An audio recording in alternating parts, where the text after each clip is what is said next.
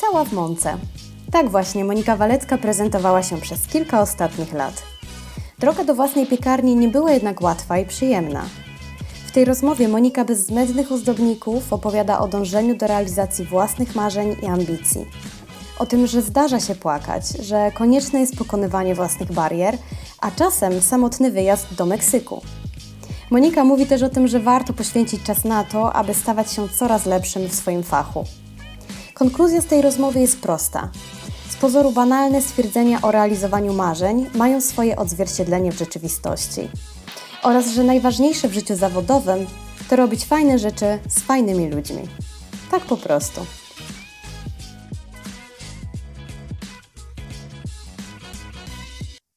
Cześć, witam Was serdecznie z tej strony Malwa, a to jest kolejny odcinek podcastu Preta Create, w którym moim gościem jest Monika Walecka, piekarka i właścicielka piekarni Cała w Mące. Cześć Monika.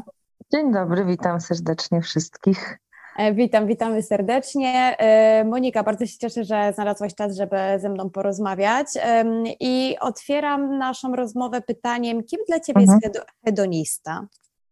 E, hedonista to jest taka e, osoba, która po prostu e, docenia przyjemności i umie się gdzieś w nich zatracić, myślę.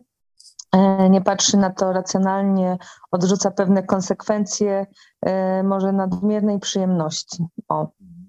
Wiesz, dlaczego o to pytam? Bo w Twoim bio tak. istnieje, wisi, wisi tak. słowo hedonista, hedonistka. Tak. Tak. E, Okej, okay, a dla ciebie każdy, kto je chleb bez wyrzutów sumienia jest hedonistą? Można tak powiedzieć? E, chle, czyje chleb bez wyrzutów sumienia. No to, to w sumie jest y, ciekawe, bo, bo to troszeczkę ja zadam drugą pytanie, a jak ktoś nie je chleba bez wyrzutów sumienia, to kim jest wtedy, prawda? Już się takie zrobiło przekonanie ostatnio, że ten chleb to jest takie po prostu coś strasznego, naszprycowanego glutenem, coś tuczącego i tak dalej. Nie, po prostu uważam, że jak ktoś je chleb bez wyrzutów sumienia, to po prostu, e, po prostu lubi chleb, ale no faktycznie na pewno można się w tym chlebie też zatracić w tej przyjemności i zamiast na przykład jednej świeżej kromki zjeść pół bochenka, co wiem, że się zdarza naszym klientom dość często. A tobie się zdarza?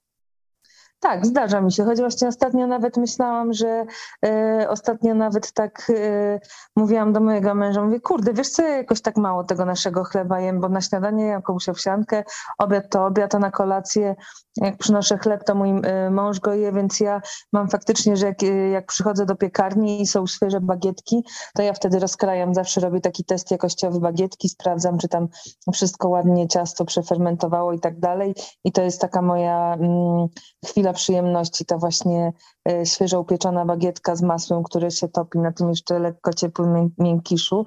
I to jest mój taki mały rytualik. E, e, tak więc ja jestem entuzjastką tego chleba, ale mówię, raz lubię, bagietkę, za chwilę też uwielbiam te chleby takie razowe, ale też to nie jest tak, że ten chleb jem codziennie, bo często na przykład zabraknie dla mnie albo zapomnę zabrać do domu, więc E, to nie jest taka moja codzienność. Jak się mówi, chleb, szef bez butów chodzi. No ale tak jest. Mhm. E, pytam, bo chleb e, z jednej strony, tak jak mówisz, stał się produktem trochę takim złym produktem, jest jakaś taka, um, jak, jak, wisi, wisi nad nim jakaś taka tak. dziwna aura, że właśnie gluten, tak że y, same węgle i że to jest mhm. niezdrowe i tak dalej. Tak, tak, tak. Mm, natomiast z drugiej strony stał się takim bardzo cool produktem, bym powiedziała, i na pewno tak. przeżywa tak. swój renesans. E, tutaj tak, duża, tak, ogromna tak. zasługa takich piekarni jak Twoja, czyli rzemieślniczych piekarni. Mm, I zaczynając ten wątek, chciałam zapytać, ile, ile czasu zajmuje upieczenie dobrego chleba? E, no, e, może e, powiem, że zrobienie, upieczenie zajmuje około 35 minut, ale zrobienie dobrego chleba zajmuje około no, 30-30 godzin, może nawet dłużej, jakby się tam każdy wszystkie etap fermentowania zakwasu podsumowało, bo to najpierw dokarmiamy zakwas, który fermentuje 16 godzin, potem mieszamy ciasto, potem wstępnie fermentujemy ciasto, więc to jest jakby następne 8 godzin.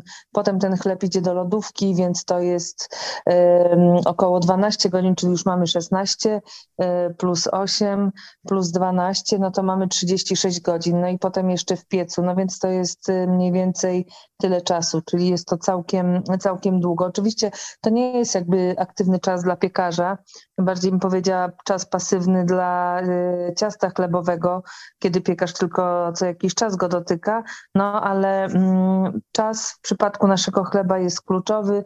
My też robimy chleby taką metodą opóźnionej fermentacji, czyli po prostu chowamy go do lodówki w momencie, kiedy jest już uformowany żeby spowolnić tę fermentację i wydłużyć maksymalnie, e, czyli spowolnić fermentację drożdżową, ale wydłużyć maksymalnie fermentację e, enzymatyczną, e, więc po prostu, nie wiem, czy to można nazwać fermentacją enzymatyczną, ale chodzi o to, żeby po prostu enzymy miały czas się pożywić na mące, porozkładać te wszystkie cukry.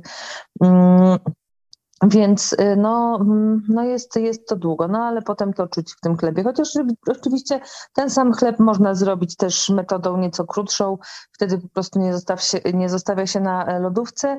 E, ma on wtedy e, równie fajny smak i fajne właściwości. To nie jest tak, że on nagle staje się gorszy, ale po prostu taka metoda pozwala też tej opóźnionej fermentacji na zdrowszą, że tak powiem, pracę piekarza, bo możemy chleb schować do lodówki, iść do domu, mieć normalne życie po pracy, y, iść spać i nie, nie, nie piec chleba wieczorem ani y, w nocy, tylko po prostu rano, jak wrócimy wyspani i wypoczęci do pracy.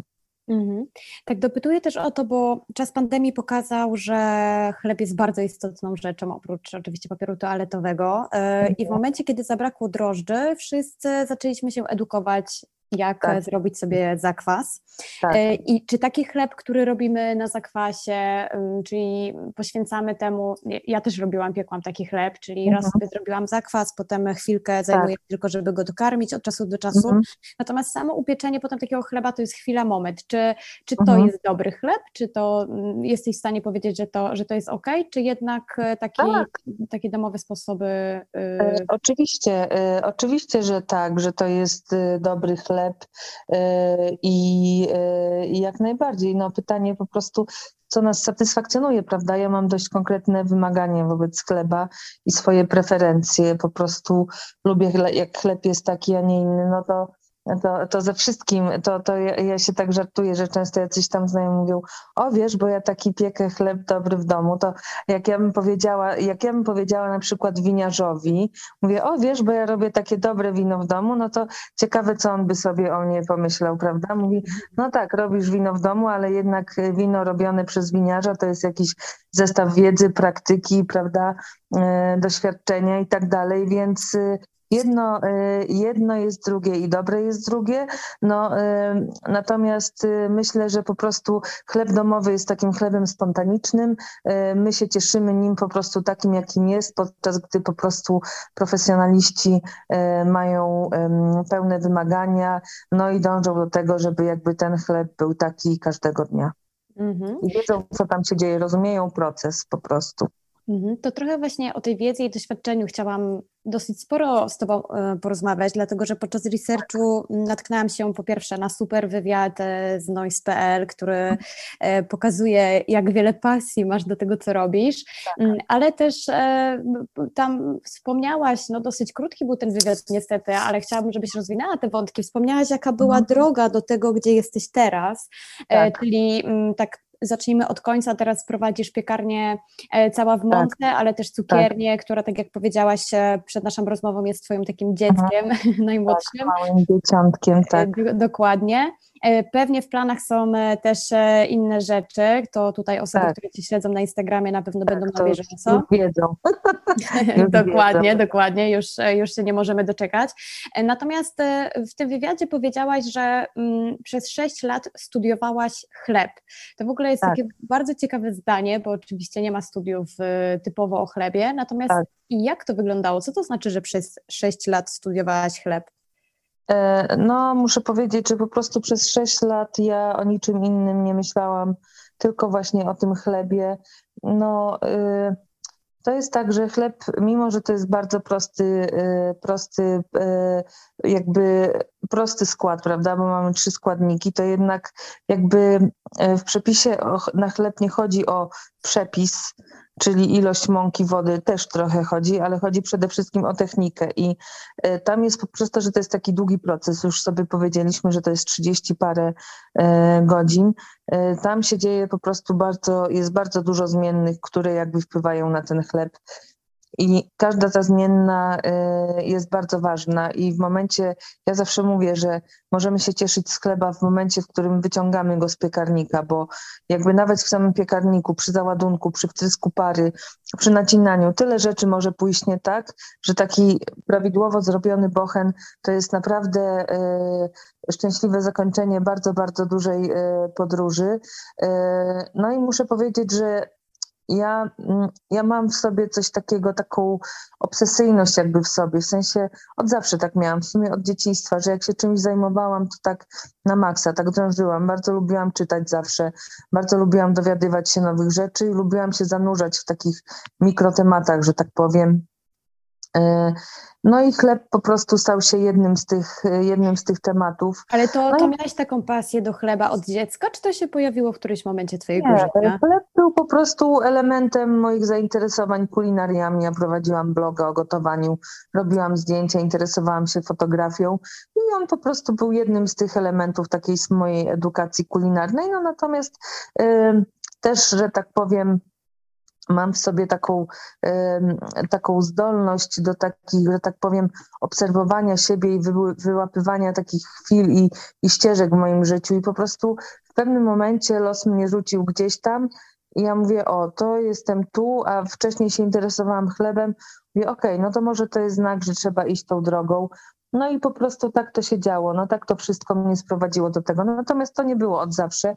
Ja tam się śmieję, że w dzieciństwie kochałam dinozaury, potem się interesowałam historią, potem kochałam Beastie Boys i The Prodigy, miałam wszystkie kasety klasery wyklejone plakatami, wywiadami i tak dalej. Potem jak byłam na studiach, to moją wielką y, miłością mm, były gry komputerowe i całymi dniami grałam na komputerze.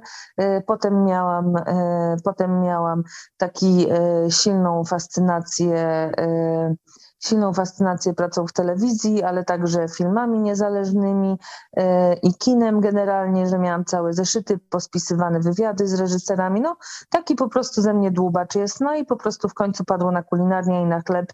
No i jakby no a tutaj już się stworzyły jakby, no tak już byłam, wiadomo, że człowiek dojrzewa gdzieś tam musi podejmować decyzje odnośnie swojej przyszłości zawodowej i tak dalej, no to już wiadomo jak jest, no i po prostu y, ten chleb tak y, stał się moim, ale to jest właśnie nawet też ostatnio o tym myślałam, że to jest fajne, że ja mam w życiu takie czteroletnie cykle zmian, teraz właśnie się to dzieje, muszę powiedzieć, bo minęły właśnie cztery lata odkąd, czyli tak, cztery lata za granicą, jak się studiowałam właśnie chleb i e, bo sześć lat to jest razem z takim domowym pieczeniem, ale tak, takie profesjonalne to są cztery lata, Potem są cztery lata w Polsce e, z chlebem.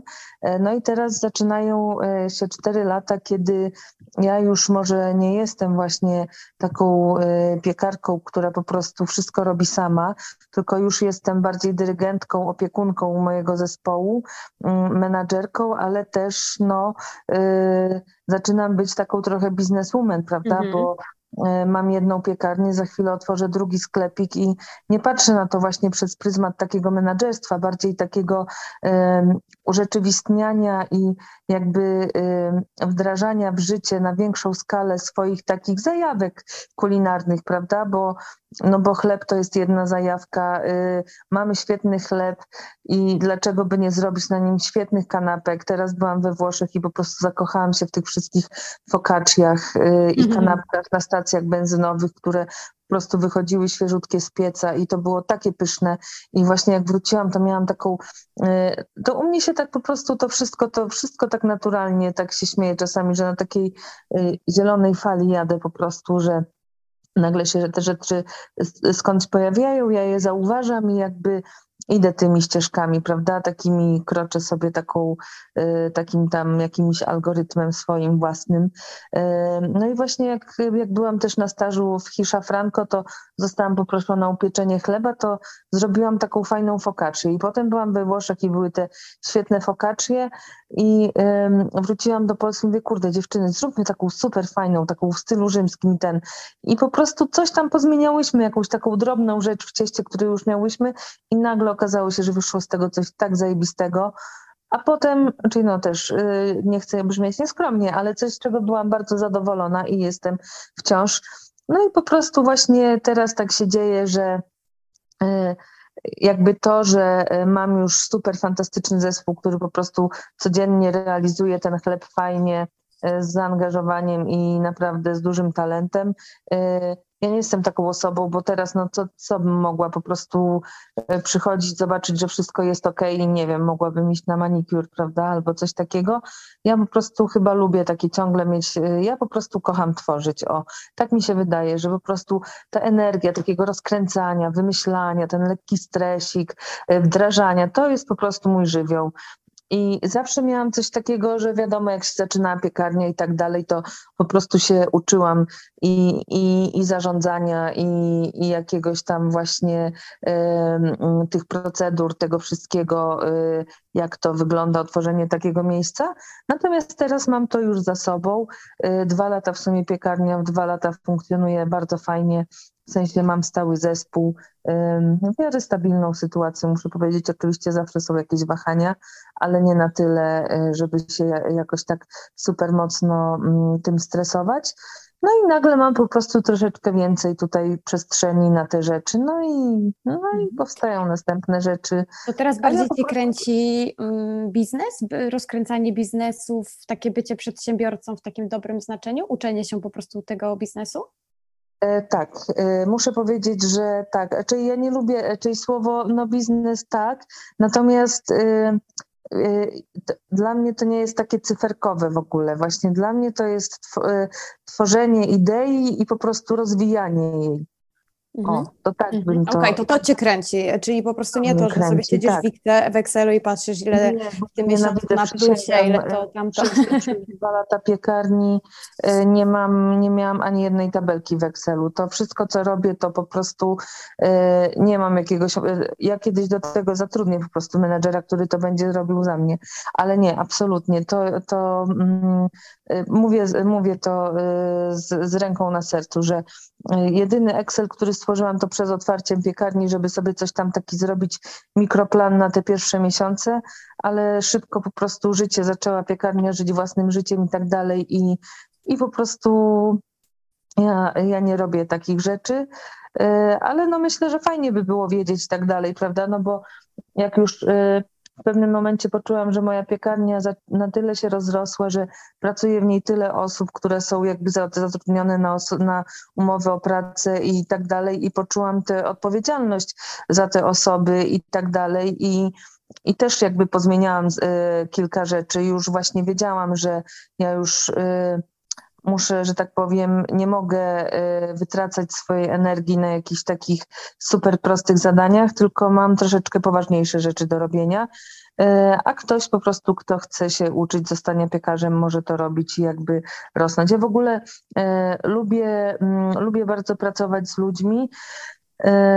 I lubię patrzeć, jak oni się rozwijają i jak jest fajna energia po prostu między nami i w zespole, to jest, to jest super sprawa. Wtedy najfajniejsze się rzeczy tworzą.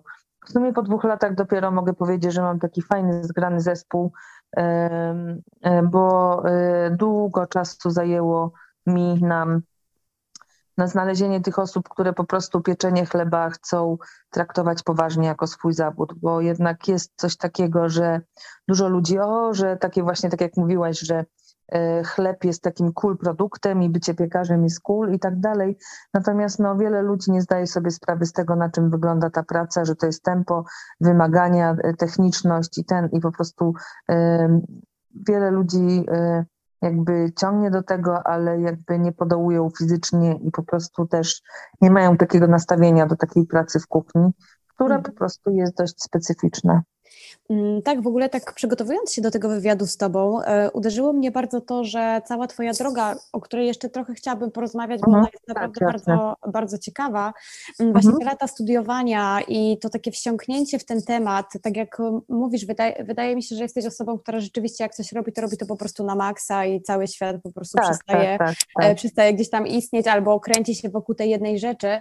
E, I właśnie cała ta Twoja droga pokazuje mi, że, mm, że jeżeli chcemy być w czymś naprawdę dobrzy i, być, specjalizować mhm. się w danej dziedzinie, to musimy poświęcić naprawdę kilka dobrych lat. I um, tutaj troszeczkę w, kontrak- w kontraście stoją osoby, które wyrastają po prostu jak grzyby po deszczu na Instagramie, gdzie po mhm. przeczytaniu pięciu książek albo odbyciu dwóch kursów z jakiegoś danego tematu już są specjalistami w danej dziedzinie. I nieważne, czy to jest robienie chleba, e, czy to mhm. jest e, kiszenie ogórków, e, czy to są kwestie biznesowo-marketingowe, czy to jest tak. jeszcze zupełnie coś innego. Tak.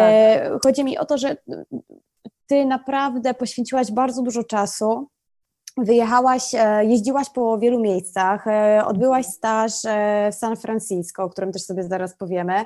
Rzeczywiście te pięć lat wsiąknęłaś bardzo, bardzo głęboko w ten temat i dopiero po takim czasie można powiedzieć, że ty jesteś dobrą piekarką i masz predyspozycję do tego, żeby rzeczywiście założyć jedną piekarnię, jedną cukiernię i po prostu dalej to rozwijać. Mhm. Więc, więc to też tak, tak, tak sobie pomyślałam, że fajnie, żeby to wybrzmiało w naszej rozmowie, że jednak potrzeba tego czasu, żeby się w czymś, w czymś specjalizować, a nie absolutnie, tak, że pójdziemy e, absolutnie, absolutnie tak. To jest coś, co ja powtarzam moim dziewczynom, że wy nie zostaniecie dobrymi piekarkami. Jak czasami ktoś przychodzi na staż i mówi, o, bo ja bym chciał, chciał w miesiąc czasu nauczyć chleba robić. Ja mówię, sorry, ale ty się nie nauczysz tutaj robić chleba, po prostu bądź tu, obserwuj, zobacz, co się dzieje, ale to nie jest tak. Ja myślę, że dużo piekarzy, e, raczej moja piekarnia jest skonstruowana tak, że moje piekarki uczestniczą jakby w całym procesie, że to nie jest tak, że one są maszynami do wykonywania pewnych zadań, do wrzucania mąki do dzieży i do wyjmowania jej, mm, jej z dzieży i wrzucania i wyjmowania z pieca, tylko one jakby uczestniczą w całym procesie, prawda? Jednego razu mają zmiany na miksie, drugiego dnia przygotowują rzeczy do wypieku, a trzeciego dnia stoją na piecu i pieką te chleby. I, yy, i to jest, myślę, gdzieś tam klucz do zrozumienia tego, co się dzieje i zostania dobrym piekarzem. Ale tak jak mówię, to jest po prostu yy, kwestia czasu. W ogóle takie rzemieślnictwo dobre to nie jest właśnie miesiąc, rok, dwa. To jest jakby nie, nieskończona ścieżka takiej doskonalenia się, yy, obserwowania, Y, usprawniania, rozwijania się.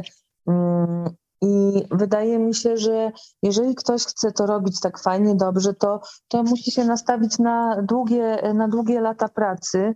Y, I to właśnie też nie takiej, i też y, mieć w sobie dużo pokory, prawda?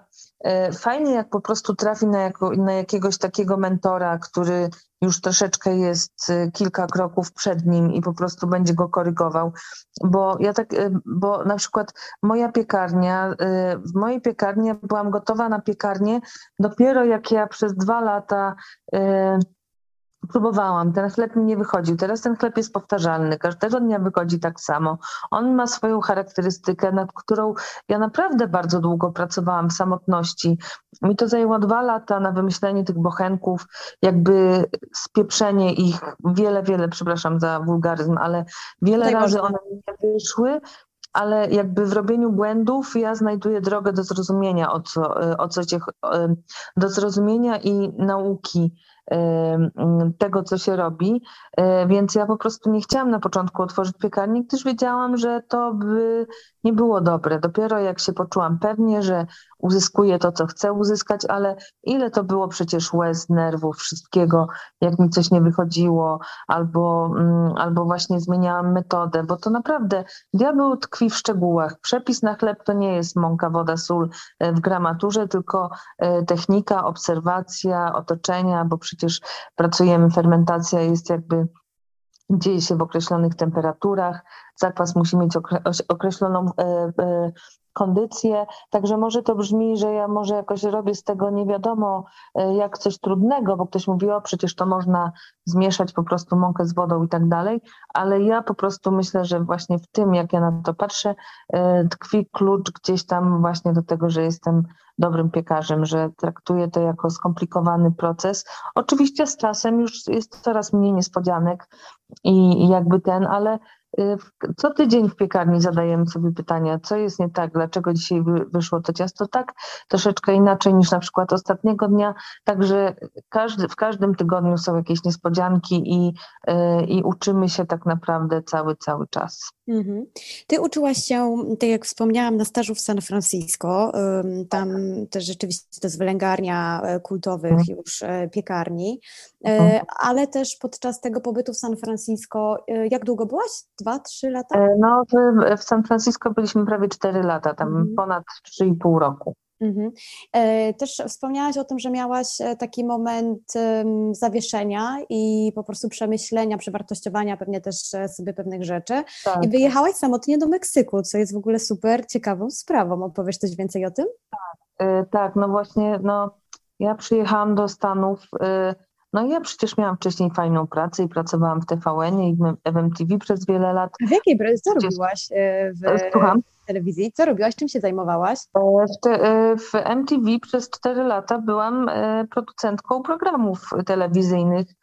Robiłam programy o muzyce techno, robiłam programy o filmach, także zawsze w zgodzie ze sobą gdzieś tam mi się mhm. udawało coś coś tam wyrwać e, dla siebie mm, z tej takiej, e, z tej pracy, więc zawsze pracowałam z ogromną przyjemnością, co właśnie też no, sprzyjało temu, żeby się po prostu rozwijać i jakby mm, robić dobrze to, co się, to, co się robi. No ale jak znalazłam się w San Francisco i właśnie chciałam pracować, chciałam się uczyć pracować w piekarni, nagle okazało się, że w San Francisco jakby ta scena kulinarna jest tak po prostu rozbudowana, schierarchizowana, że są miejsca, w których są restauracje Michelin. Ja nie miałam pojęcia, bo w Polsce my jeszcze nie mieliśmy takich tutaj um, takich restauracji słynnych, czyli były jakieś, ale tak to zaczynało się dopiero powoli. Tam byli oczywiście tacy kucharze słynni, jak nie wiem, Agata Wojda, prawda, czy tam Robert Sowa, um, czy, czy, czy wo, wo, um, Modest Amaro. No, no, natomiast ja nie wiedziałam, jak wygląda taki świat kulinariów, więc po prostu e, na początku dość boleśnie zderzyłam się z tym takim dysonansem pomiędzy tą nową kulturą, nowym miejscem, jakby e, nieśmiałością językową i tak dalej. No i było mi bardzo ciężko, też nie miałam przyjaciół, mój mąż chodził do pracy jakby od razu, a ja siedziałam, czyli siedziałam w domu. No nie siedziałam w domu, bo wtedy też właśnie wychodziłam na ulicę i robiłam zdjęcia ludziom, taki miałam street, e, fotografię streetową, po prostu tam uskuteczniałam, czyli tak zwaną uliczną, przepraszam za mhm tutaj ten anglo, mm, za tą wtrętkę. E, więc ja tam zawsze sobie coś, wtedy też robiłam e, zdjęcia e, dla magazynów, bo współpracowałam dużo, opracowywałam przepisy, gotowałam, ale właśnie czułam, że jestem w takim wyjątkowym miejscu i mówię, Boże, no co tu zrobić? Ja mówię, kurde, przecież ja mam taki potencjał w sobie i ładne te zdjęcia robię i umiem dobrze gotować i mam dobry smak i tak, ale mówię, jak to po prostu, jak to zrobić, żeby jakby zacząć z tego korzystać, żeby ktoś mi dał mi szansę. No więc musiałam stoczyć taką swoją walkę. Właśnie powiedziałam mojemu mężowi, mówię, słuchaj, wiesz co, ja muszę wyjechać, e, złapać dystansu, przemyśleć kilka rzeczy. No i faktycznie pojechałam sobie do Meksyku na taką samotną wyprawę. Mm, to nie była jakaś długa podróż, natomiast natomiast no wróciłam z takim że e, Nikt mi tutaj na złotej tacy tego wszystkiego nie poda, że o wszystko ja muszę sama zawalczyć, że muszę pozbyć się swoich kompleksów, że muszę że zacząć mówić po angielsku, nieważne, że z błędami i tak dalej, ale muszę zacząć. Gdzieś zaczęłam, tam w Stanach jest bardzo ważny tak zwany networking, prawda, czyli że się zna jakichś ludzi i tak dalej, więc zaczęłam się gdzieś tam bardziej udzielać, spotykać i tak dalej. No i tak krok po kroczku, jak... Yy, jak człowiek zacznie iść, to nagle się to rzeczy się zaczynają pojawiać i przybliżać. A jak tak człowiek stoi i marudzi, to się po prostu nic nie dzieje. No więc dość szybko jakby zauważyłam, e, zaczęłam też sama, na przykład pamiętam, że zaczęłam sama pisać do różnych ludzi, że ja ci chętnie zrobię zdjęcia, na przykład za wymiany, za jakiś barter, żeby po prostu jakby uruchomić tę lawinę, jakby zacząć robić rzeczy. E, no i faktycznie jakby niedługo potem te moje wszystkie marzenia zaczęły się spełniać. No a potem to już nawet tak całkiem przyspieszyło, więc w ogóle e, fajnie się to wszystko zrobiło. Ale e, moim zdaniem to właśnie mm, najważniejsza, myślę, jest inicjatywa w takich rzeczach i nie ma co czekać na rycerzy, na białych koni, właśnie, że ktoś nam coś przyniesie. Trzeba po prostu oferować siebie światu i wtedy się dzieją fajne rzeczy. Kurczę, no tutaj nie mam nic do dodania, bo e, troszeczkę się mm, zatrzymałam nad tym, co mówisz, bo myślę, że to jest po prostu klucz wszystkiego, e, czyli, czyli tak wziąć się w garść, pomyśleć to, co powiedziałaś ty, że taka sama świadomość, ok, jestem dobra w tym i w tym i teraz co mogę z tym zrobić. Tak, dokładnie. Mi, na staż do piekarni tych w San Francisco łatwo Aha. się było dostać? Czy też musiałaś walczyć? Wcale nie, wcale się nie było łatwo dostać. Na przykład tartin, do której ja marzyłam o tym, bo przecież uczyłam te pierwsze chleby, które piekłam, to były chleby właśnie z tej książki. To była taka, jak się okazało, już super po prostu słynne miejsce, w którym pracowali ludzie z jakimiś latami doświadczenia w jakichś restauracjach, nie wiadomo jakich. I ja tak chodziłam tam, pamiętam, Boże, jeszcze pamiętam jak w ogóle marzyłam, miałam takie dwa miejsca, w których chciałam pracować, że jeszcze tak dukałam po tym angielsku i tak starogiem stałam i tak ćwiczyłam, co ja mam tam powiedzieć. Wychodziłam stamtąd zestresowana, płakałam z tych stresów. No w ogóle naprawdę to było takie, naprawdę to była taka walka z, z samym sobą. Um, ale do Tartino to zajęło mi rok czasu, żeby tam się dostać na staż. Rok czasu. Y, ale po prostu w, pewnym momencie y, ja stwierdziłam, że dla mnie to już nieważne, to już nie chodzi o tą tartin, że to było dla mnie jakby takie miejsce, które ja znałam i które myślałam, że y, po prostu gdzieś tam przyjmują, prawda, kogokolwiek, bo ja też myślałam o sobie, to tak jak powiedziałaś o tym, że się przeczyta dwie książki i już się jest ekspertem, to ja trochę miałam, tak mówię, Boże, przecież ja piekę taki chleb i w ogóle, to, to, to przecież wow, no to weźcie mnie, no a potem się okazało, jak ja tak naprawdę niewiele wiem o tym chlebie, e, więc e, ta pokora, ta lekcja pokory była dla mnie dość taka e, solidna. Mm, to, to po prostu właśnie to, że ja zaczęłam być przyjmowana i zapraszana na te staże, było właśnie takim efektem tego, że tak jak wcześniej mówiłam, że ja zaczęłam działać, że ja zaczęłam robić zdjęcia, wrzucać je na Instagrama, opisywać to, co czuję, to, co wiem, to, co robię i tak dalej. I wtedy ludzie zobaczyli tę ogromną pasję, którą ja miałam i jakby też chętnie mnie zapraszali, bo to zawsze były rozmowy, wymiany i tak dalej. I wiedzieli, że ja jakby jak przyjdę, to nie będę się tam pałętać, tylko naprawdę aktywnie będę uczestniczyć w tym, co się dzieje i faktycznie tak było, więc...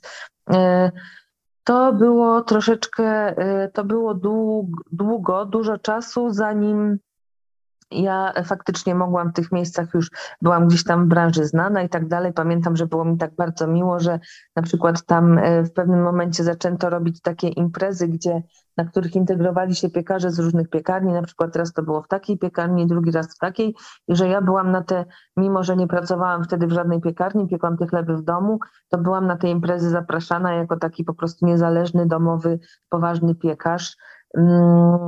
Potem też na przykład było super miło, że właśnie z Instagrama i tak dalej ludzie znali moje zdjęcia, że jak jacyś piekarze przy, przylatywali do San Francisco właśnie do tej Mekki takiej, e, ty, ty, tych piekarni, na, e, żeby zobaczyć co tam się dzieje i, i tak dalej, to e, to oni też się umawiali ze mną. Ja miałam też w pewnym momencie taką opinię, bo ja zawsze się tak bardzo gościnnie, że ich zabierałam na spacer, oprowadzałam po fajnych miejscach, piekarniach swoich ulubionych miejscówkach, niekoniecznie kulinarnych, takie trasy robiłam, więc y, to mi jakby dało też y, wejściówkę, potem otworzyło mi taką, stworzyło mi taką y, jakby sieć kontaktów na całym świecie. I potem jak byłam w Australii, no to już znałam tego, tamtego, ten mnie zawiózł tu, ten mnie zawiózł tu, a potem jak jakaś taka moja znajoma przyjechała, przyprowadziła się do San Francisco, a ja akurat wyjeżdżałam wtedy w podróż, no to na przykład mieszkała u mnie dwa tygodnie i tak po prostu jakoś...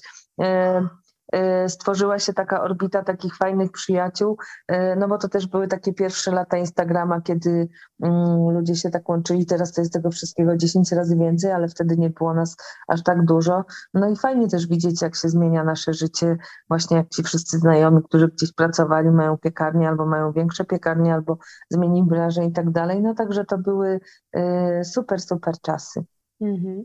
Czyli upartość, działanie, pokora, jakaś tak, taka walka tak. ze sobą, przekraczanie tak. granic e, tak. i, i przede wszystkim też to wychodzenie ze strefy komfortu, nieważne jak bardzo tak. coachingowo to brzmi, ale to jednak... Ale tak jest. To, to, to, to jest droga do, do No, to, to brzmi banalnie, ale największe prawdy życia e, to, to są takie, to są banały, tylko no trzeba po prostu, mhm. trzeba w to uwierzyć, bo tak po prostu jest. A powiedz mi, potem jak wróciłaś do Warszawy, y, to potem już jakoś tak gładko poszło, czy też jeszcze miałaś dużo, A dużo skąd? przeszkód? Wcale i... gładko nie poszło. Jak wróciłam do Warszawy, to wtedy się zaczęło największe po prostu wyzwanie mojego życia, bo San Francisco to był etap taki psychiczno-mentalny walki, a z kolei w Warszawie się zaczęła walka z ciałem i w ogóle e, walka ze zmęczeniem psychicznym i po prostu e, dyrka taka, no ja, y, ja pracowałam wtedy bardzo dużo, bo ja wszystko chciałam robić sama. Y, nie zależało mi na tym, żeby z nikim współpracować. Chciałam po prostu y, zrobić ten chleb mm, na własnych zasadach dowiedzieć się, co z tej polskiej mąki, opracować receptury, stworzyć coś fajnego, ciekawego.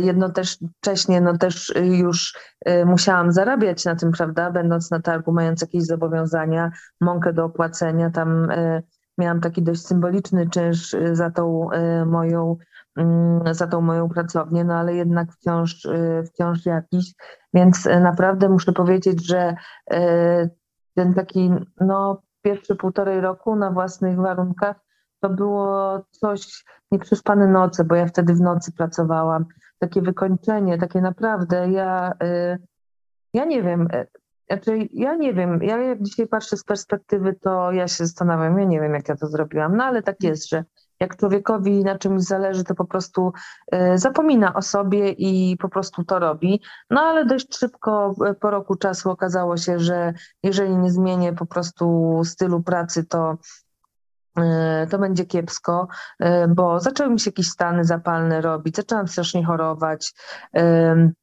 Nie czułam, nie czułam się dobrze i po prostu wiedziałam, że muszę jakoś unormować, bo e, w takim jakby trybie szaleńczym ja długo nie pociągnę. A jeżeli chcę robić tę pracę, wykonywać ją długo i się nią cieszyć, to po prostu muszę sobie jakąś wypracować rutynę. No i wtedy pojawiła się jakby myśl o piekarni, no i jakby kontynuowanie tego pieczenia, no bo oczywiście piekarnia się tworzyła, były potrzebne pieniądze na to, na to i na to sprawiło, że ja pracowałam jeszcze dwa razy więcej, mm, e, dwa razy więcej, dwa razy intensywniej na wielu polach. E, jak otworzyłam piekarnię, no to też już miałam taki mini, mini zespół. E, zaczęła ze mną Karolina, która jest obecnie kierowniczką piekarni i ona tak naprawdę tam rządzi. E, ja się opiekuję i dyryguję, ale jakby w takim codziennym zarządzaniu, no to, to ona tam wszystkiego dogląda.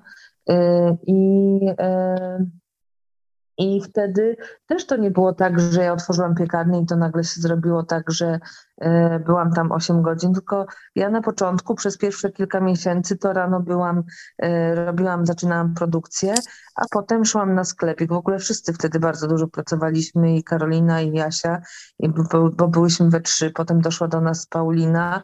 E, no i tak pomalutku, krok po kroku, no tam w te pół roku, no to już miałam sześć osób, które, które pracowały. Ja już mogłam być troszkę tu, troszkę tu, rozwijać, prawda? Ja mam zawsze tak po prostu, że ja gdzieś tam eksploruję nowe terytoria, czy właśnie, czy to jest nowy chleb, czy coś tam, robię to sama przez jakiś czas, a potem jakby przekazuję to komuś i jakby idę drążyć coś nowego. E, więc to naprawdę, potem jeszcze przyszła ta nieszczęsna pandemia, znowu się trzeba było w tym wszystkim odnaleźć. I, I teraz jestem na tym etapie, że w zeszłym roku, w tym roku postanowiłam sobie że piekarnia musi być po prostu niezależna, że ja muszę wyrównać poziom pracy mojego zespołu, żeby każdy robił, umiał robić wszystko, każdy mógł wskoczyć na daną czynność i tak dalej, żeby piekarnia mogła się toczyć, y, toczyć niezależnie ode mnie, że ja jak jestem, to oczywiście pomagam, ale jak mnie nie ma, to też się nic nie dzieje i wszystko działa tak jak trzeba. No i myślę, że że mi się to udało, no ale to dopiero po y, dwóch latach takiej y, pracy codziennej. Mhm. No, a jak mi się to udało, no to co? No to otworzyłam sobie toneczkę, czyli moją cukiernię. I znowu się zaczęło, znowu się zaczęło 6 dni pracy w tygodniu, sińce po, pod oczami, 17 godzin w pracy, nie to, że codziennie, ale w sobotę, prawda, i w niedzielę. No ale znowu schodzimy w tym dół. No i teraz, no, no generalnie ja tak po prostu będę miała chyba, chociaż już tak sobie powiedziałam, że to chyba do 40, a po 40 już troszeczkę y, dam mm. sobie na luz. Ale, jeszcze ale udaje ci się łapać ten balans? Y, czyli walczysz o to? Absolutnie, bo... tak. Mhm. Bardzo walczę. Y, bardzo mi się udaje łapać balans.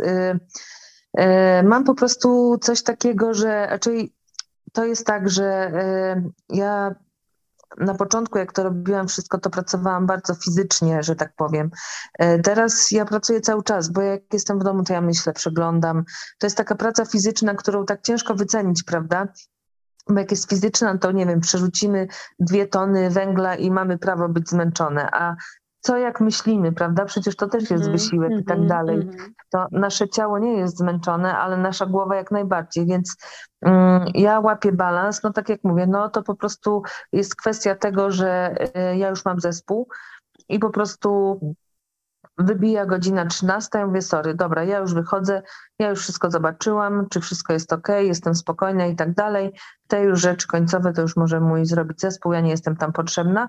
Po prostu musiałam się nauczyć stawiać granice. To nie było wcale łatwe, jakby to odcięcie pępowiny, mm, no wiadomo, że to jest ten, ale y, no, ale y, ja widać jestem taką matką, w cudzysłowie powiem, co po prostu chcę, żeby jej dzieci się jak najszybciej usamodzielniły, a ona miała czas na swoje. No. A jak masz czas na swoje, to co robisz, kiedy, kiedy masz czas na swoje? Bo widzę po Instagramie oczywiście, że y, największą tak. pasją jest, y, są kulinaria, testowanie tak. wszystkiego i trunków i jedzenia i rzeczywiście to mm, zajmuje Ci najwięcej czasu? Wolnego? Nie, to tak, e, to tak muszę powiedzieć, że, e, że nie, no, że e, jakby wplatam takie elementy, prawda, bo lubię raz na jakiś czas się spotkać, wyjść do, do restauracji. Uważam, że jakby posiadanie smaku, czy bez względu na to, czy jestem piekarzem, to nie tylko to, czy jem chleb swój i i innych, ale to także właśnie pieczenie. No, ja mam jakąś taką złożoną naturę po prostu, że to wszystko się w tym chlebie integruje, te wszystkie moje pasje, ale te ciastka, to wszystko, no ja po prostu bardzo lubię próbować innych i doceniać pracę innych i to też mnie na maksa inspiruje po prostu. Mm. Ale no na przykład y, teraz namiętnie gram w tenisa. Muszę powiedzieć, że wróciłam do gry w tenisa po 18 latach. Kiedyś w to byłam całkiem dobra. No i coś tam jeszcze we mnie drzemie, także trzy razy w tygodniu chodzę na tenis i przygotowuję się do zawodów, bo mam, mam zamiar jakby mm, wrócić na kort, tak troszeczkę porywalizować. E, lubię układać puzzle, lubię po prostu leżeć na kanapie nic nie robić, lubię się bawić ze swoim psem. No takie normalne po prostu życie. No kocham perfumy oczywiście bardzo, lubię czytać książki, no jest co robić. Nie, doba jest dla mnie za krótka, że tak powiem. Fajnie by było, jakby była dłuższa. No ale tak jak mówię, y, pracę staram się po prostu, tą taką, te takie akcje, y, to co muszę zrobić, to y, zrobić po prostu do godziny 13, a potem mieć już czas na życie. Mhm. A powiedz mi jeszcze na koniec, co cię tak napędza, kiedy wizualizuję sobie ciebie w tej piekarni, kiedy jesteś mhm. rzeczywiście praktycznie cała w mhm. mące, e, mhm. kiedy na zewnątrz stoi kolejka klientów, a wam akurat tak. brakuje jakiegoś super ważnego składnika, kiedy się tutaj mhm. przypala, tu ciasto nie wychodzi. Co, mhm. co, cię, co cię ostatecznie tak w tym wszystkim napędza? Co jest twoim motorem? Bo słychać ogromną upartość w tym, co mówisz, w takim dążeniu do celu. Nieważne czym jest ten cel, bo tak jak powiedziałaś, to nie chodzi o mhm. cyferki w Excelu. E, może to chodzi po prostu o zrealizowanie samej siebie w danej dziedzinie, która akurat w tym momencie jest dla ciebie ważna. Mhm. masz jakiś taki motor napędowy? Czy to jest po prostu coś, co od środka y, w tobie jest, czy, czy, czy coś może na zewnątrz, co ci ładuje baterię? Nie, myślę, że to jest, że to jest od środka. Ja mam takie motto, w tym roku właśnie y, powstało, jak mówiłam właśnie dziewczynom, że to jest robić fajne rzeczy w fajny sposób. Mhm. Czyli tak, żeby się nie wstydzić tego, żeby być dumnym y, to, z czego się robi, właśnie bez względu na to, czy to jest y, prowadzenie biznesu, czy to jest formowanie chleba, czy to jest smarowanie chałki jajkiem, taka radość z wykonywania y, czynności i satysfakcja z tego, że zrobiło się je dobrze. Hmm. Pięknie. Chciałabym, aby każdy z nas tak mówił o swojej profesji z taką pasją, z jaką ty mówisz o chlebie i o tym, co robisz, e, bo ostatecznie naprawdę chyba właśnie o to w tym chodzi. Nie o te cyferki, tylko, tylko o tą pasję. Tak, bo to jest takie właśnie, to jest, y, to moim zdaniem jest to zrównoważone podejście. To takie mocne, y, to takie modne, y, modne słowo. Właśnie, że to, że to jest takie holistyczne, kolejne, kolejne słowo, ale żeby wykonywać rzeczy fajnie, z szacunkiem do innych i do samych samego siebie. Amen. Dziękuję Ci bardzo za tą rozmowę. Monika. Dziękuję bardzo serdecznie. Jeśli podobała Ci się nasza rozmowa, śledź projekt Preta Create tutaj, na Instagramie, na Facebooku i w świecie realnym.